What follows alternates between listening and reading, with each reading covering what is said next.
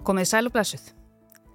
Síðari undan keppni söngvakeppni Evróskra sjónvarstöða verður haldinn í Liverpool í kvöld þar sem hún dilja okkar slær alveg öruglega í gegn. Ætla hún vinn ekki bara keppnina á lögadaginn eftir hún rústar reyðlinum í kvöld. Er ekki bara komið að í loksins að við vinnum? En er við þá að halda keppnina á næsta ári? Var ekki búið að fresta eitthvað þessari þjóðarhöllarna í lögadalunum? Er kórin kannski nógu stór? Allir við finnum ekki út úr því. Þetta er ekki stóru vandamálin. Sérstaklega ekki þegar við miðum við vandamálinn sem Eurovision sigurvegari síðasta árs var að kljást við í fyrra og er að kljást við enn þann dag í dag. Breitland sigraði nefnilega Eurovision þó að keppnin sé haldin í Liverpool heldur sigraði Úkræna. Og eðlimál sem samkvæmt var ekki hægt að halda þennan fögnuð þar.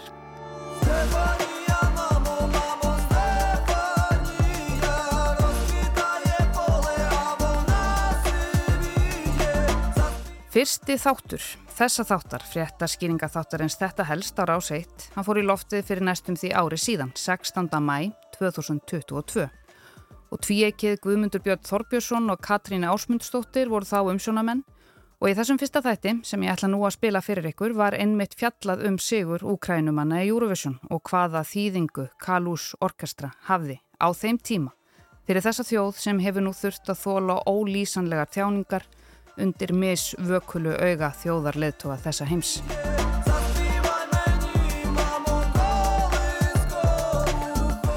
Þann 12. februar 2022 fór úrslita kvöld söngvakeppninar fram í Ukrænu, svona eins og íslenska söngvakeppnin, það sem er keft um að fá að vera fulltrúi á stóra kvöldinu, Eurovision. Og nú ætlum ég að gefa honum Guðmundi bytni orðið, við færum okkur aftur um eitt ár þar sem stríðið var svo til nýhafið og Úkræna var nýbúin að sigra hjörtu heimsbyðarinnar og söngvakeppni Evróskra sjómanstöðu.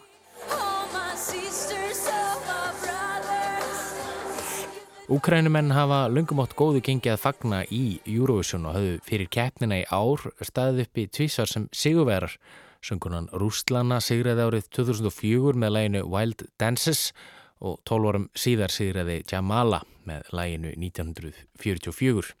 Því var ljóst að margir hæfileikaríkir tónlistamenn stiga á svið Vítbýr keppninar þann 12. februar. Þar á meðal söngkunan Alína Pass sem flutti þar lægið Skuggar okkar glemdu forfæðra.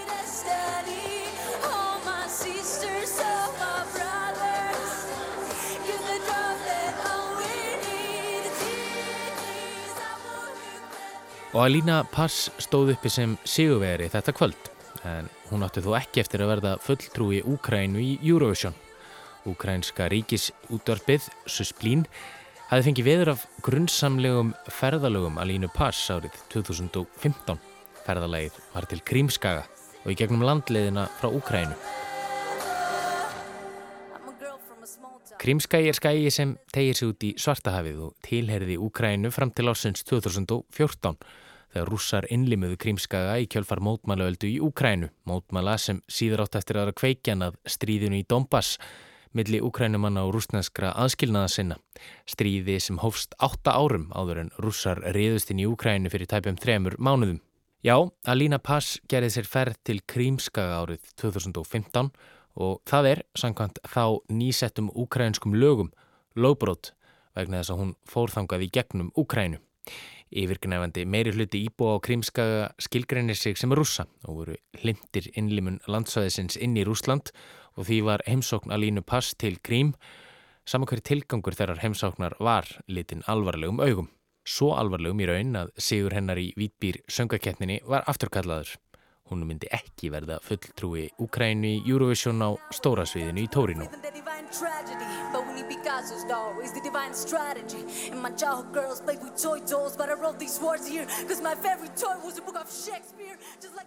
Alína Pass virðist þó ekki hafa ert þessa ákvörðun eins og við komum stað síðar í þessum pisli. En hvað gera bændur þá? Hver skildi verða fulltrúi Úkrænu í Eurovision? Jú, Gott silfur er gulli betra, segir máltækið og þjóðlega skotna rapsveitin Kalush Orkestra sem hafnaði í öðru sæti undan keppninar tók sæti að línu. Þeir hefðu flutt lægið Stefania í undan keppninni og í raun orðið hlutskarpastir í símakostningunni. Alína Pass hafði hins vegar hlotið náð fyrir augum domnefndar. Þann 22. februar var svo tilkynnt að Kalush Orkestra erði fulltrúi Úkrænu í Eurovision.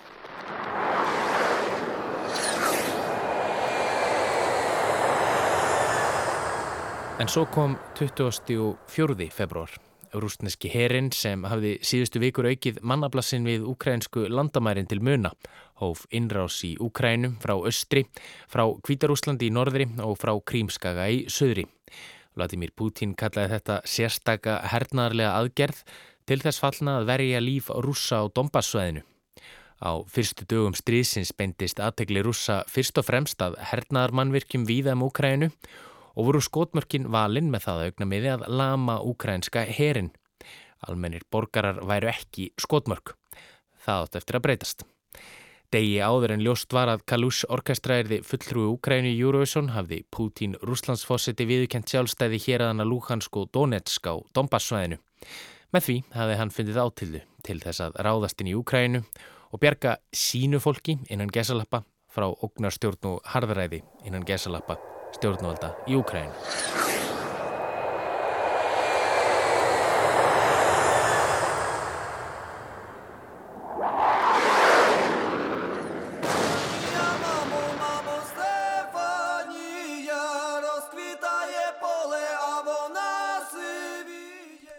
Já, meðlemið Kalush Orkestra gerði sér eflaust ekki hugulund þann 22. februar síðastliðin þegar þeim hafi verið dæmtur sigurinn í Vítbýr söngvakeppninni að heimaland þeirra er þið lagt í rúst og 20.000 landa þeirra myrtir í tilhæfulösu stríði. Hvers virði er þáttaka í Eurovision við hliðin á slíkum hryllingi?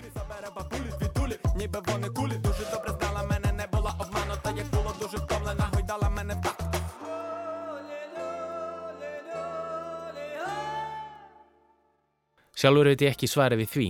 Enski rítvöndurinn George Orwell velti því fyrir sér í stuttiri rítgerð, vanga veltum um halakörtur, hvort að veri siðlust að njóta vorsins á stríðstímum. Kanski er það siðlust fyrir mig en hvað með Ukrænumannin? Skiptir Eurovision máli þegar landið þitt brennur? Já, það töldu allavega meðlimir Kalús Orkestra sem voru mættir til Tórin og í upphafi mæmánaðar og stiga á svið á undarúslutakvöldinu síðastleginn 50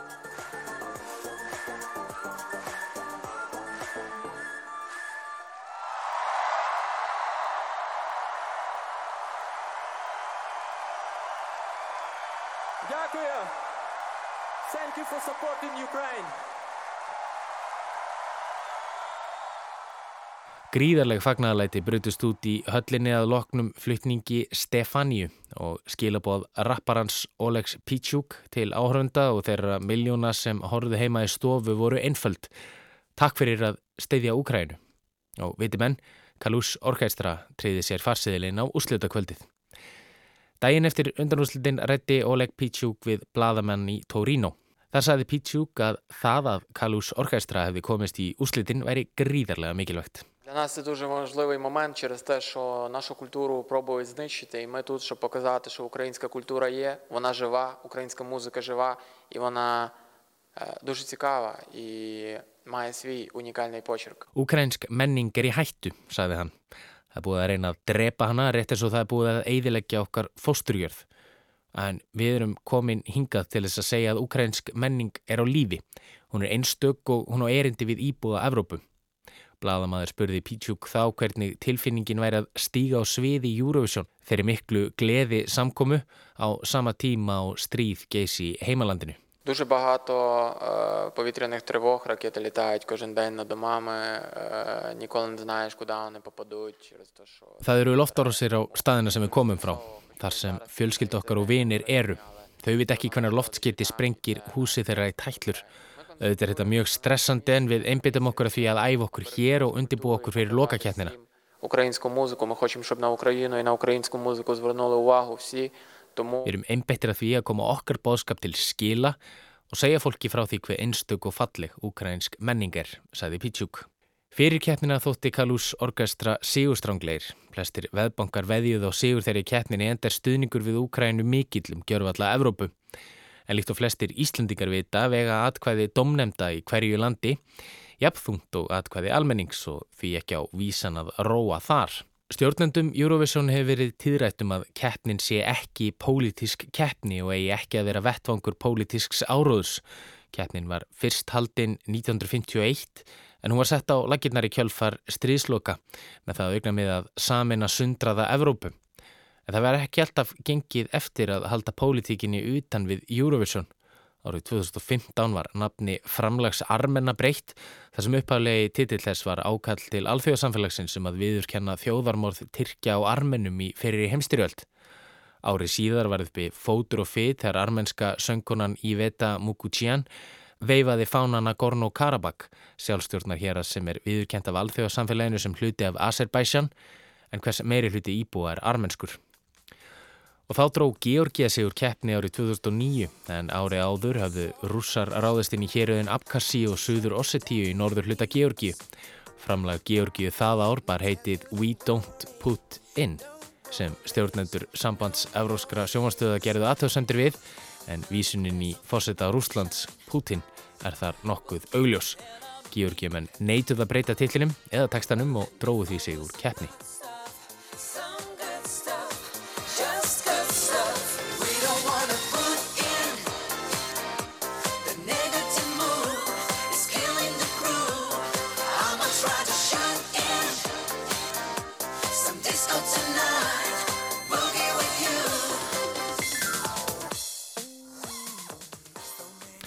Sind og skömm, enda frábært lag.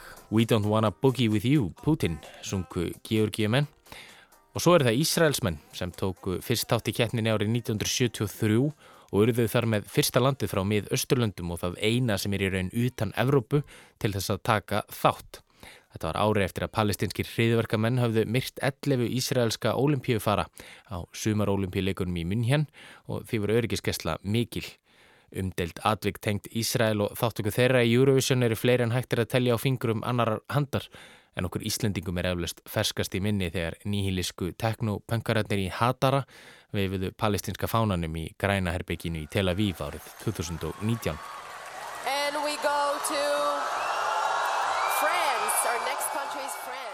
Já, pólitík og Eurovision eiga enga samleið segja stjórnendur keppninar en eins og dæmin sína er hægara sagt en gert að koma í veg fyrir það.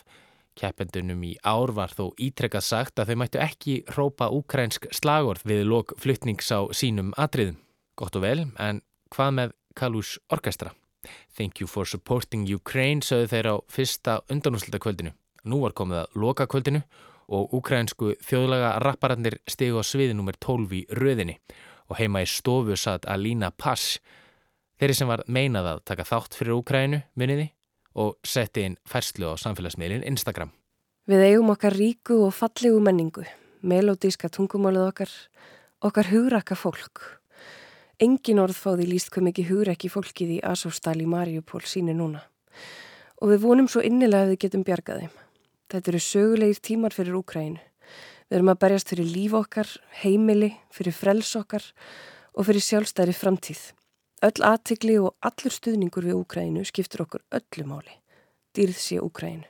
Já, Alína Pass satt sannarlega ekki eftir með sárt ennið og hvati fólk til að styðja Kalús orkestra. Og rétt eins og á undanúslega kvöldinu var þeim fagnar gríðarlega við lok flutningsins og nú voru skilabóðin skýrari.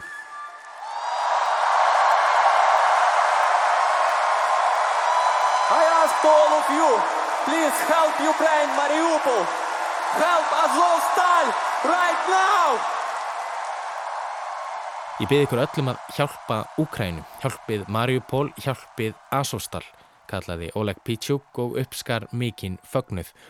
Já, hjálpið Mariupol, hjálpið Azovstal. Þetta hefur verið sagt í nokkur tíma og nú á stóra sviðinu Eurovision. Heima í stofu fellir fólk tár og heldur svo áfram að njóta vorsins á meðan stjórnvöldi í Rúslandi myrka lífið úr úkrænskum almenning. Aftur, skiptir þetta einhverju máli? Meirum þá eftir en aftur að úrslutakvöldinu í Tórinu. En svo venja er fengu áhörundur heima í stofu fyrsta þeirra niðurstöður domnemda í hverju landi fyrir seg. Breytar og spánverjar skiptust á því að leiða en Úkræna var þó nokkuð ofalega hjá flestum.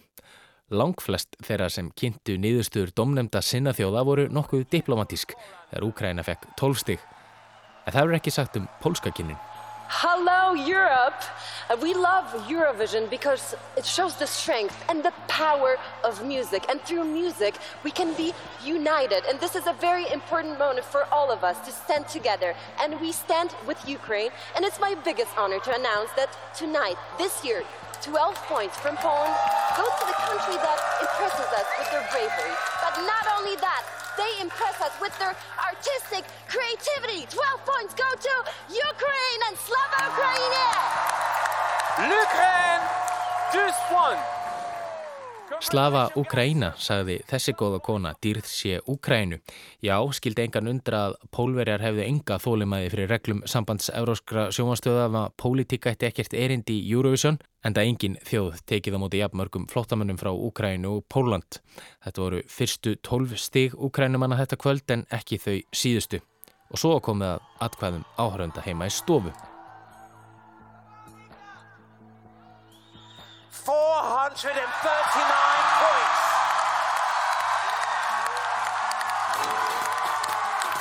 We now leader, yes. have a new leader with 631 points. Ukraine, new leader. Já, já, já, Úkraina fekk 439 steg frá almenningi sem er met. Sigurinn var á endanum nokkuð örugur. Úkraina er sigurvegari Eurovision 2022. Úkraina á haug og hjörtu Evrópu. Og aftur spyr ég, hvaða máli skiptir sigur Úkrainu? Hverju breytir hann fyrir fólkið í Mariupol og Asostal stálverksmiðinni? Jú, það skiptir vist máli. Á því er allavega Volodymyr Selenski, fórseti Úkrainu, sem sagði eftir sigurinn að hurökk í Úkrainu síndi sig nú hvarvetna. Ég er vissum að sigursöngur okkar mun líka heyrast brátt í Úkrainu, í baráttu okkar við óvinnin.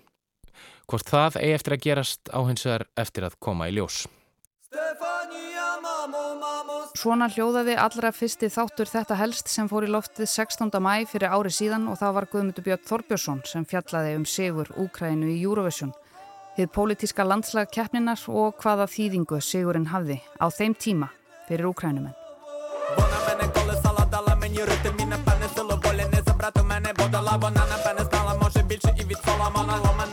Eurovision verður svo haldinn með pompi og prakt í Liverpool á laugadaginn og ég heiti Sunna Valgeradóttir og þakka ykkur kærlega fyrir að leggja við hlustur í dag og við heyrumst hér aftur á morgun.